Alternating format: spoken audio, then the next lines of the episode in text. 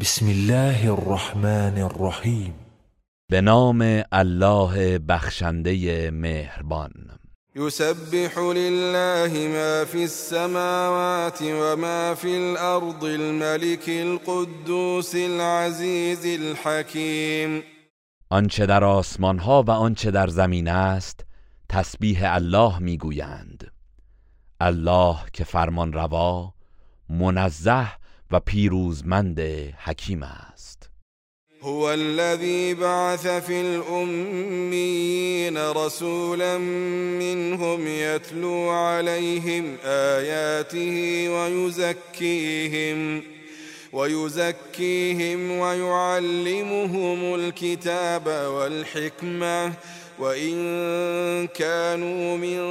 قبل ضلال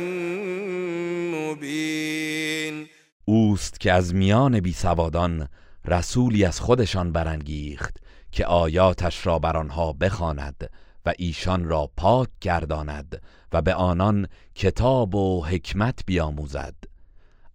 چه پیش از این در گمراهی آشکار بودند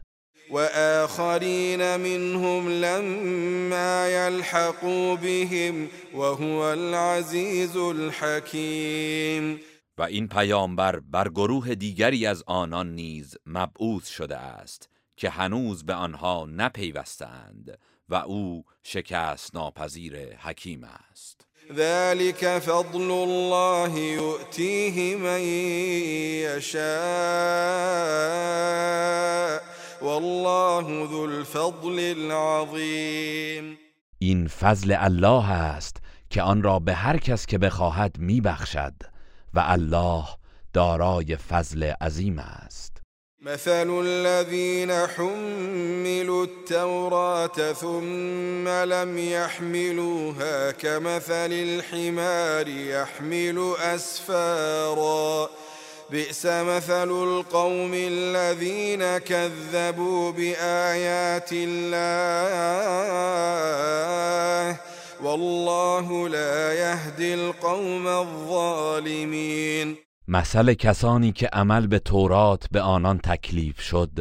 سپس آن را چنان که باید و شاید رعایت نکردند همچون خریست که کتابهایی را حمل می کند اما از آن چیزی نمیفهمد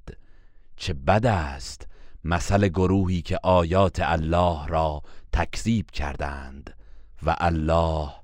گروه ستمکاران را هدایت نمی کند قل یا الذين هادوا زعمتم أنكم أولياء لله من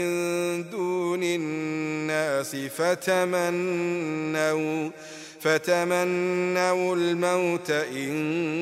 كنتم صادقین بگو ای کسانی که یهودی شدید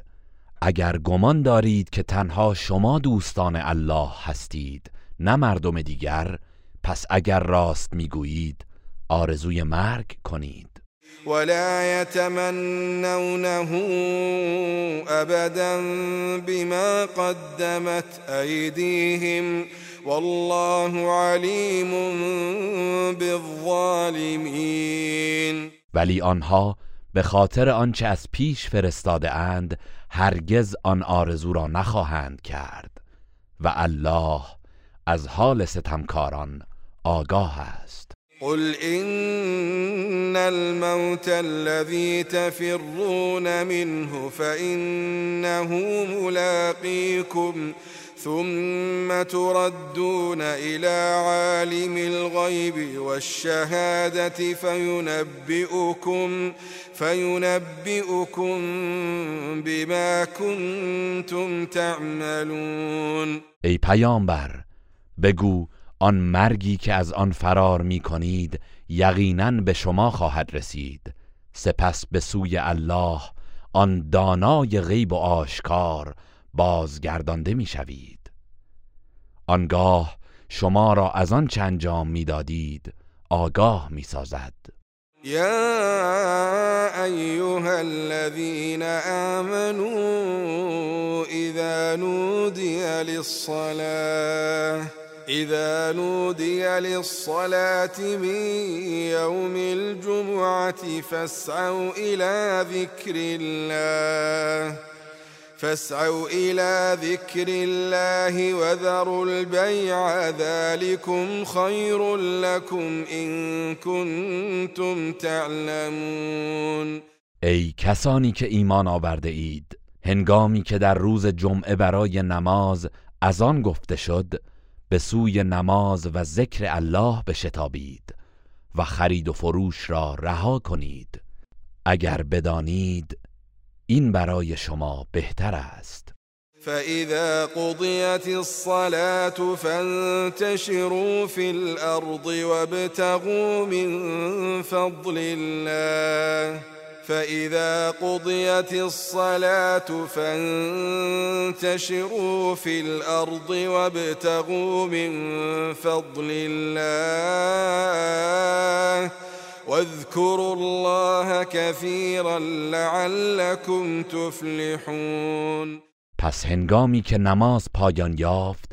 برای کسب رزق و روزی در زمین پراکنده شوید و از فضل الله طلب کنید و الله را بسیار یاد کنید تا رستگار شوید و اذا رأوا تجارتا او لهوا انفضوا إِلَيْهَا و قائما قل ما عند الله خير من اللهو ومن التجاره والله خير الرازقين و ای پیامبر برخی از این مردم هنگامی که تجارت یا سرگرمی ببینند از اطراف تو به سوی آن پراکنده می شوند و تو را ایستاده بر منبر رها می کنند بگو آنچه در نزد الله است بهتر از سرگرمی و تجارت است و الله بهترین روزی دهندگان است گروه رسانه‌ای حکمت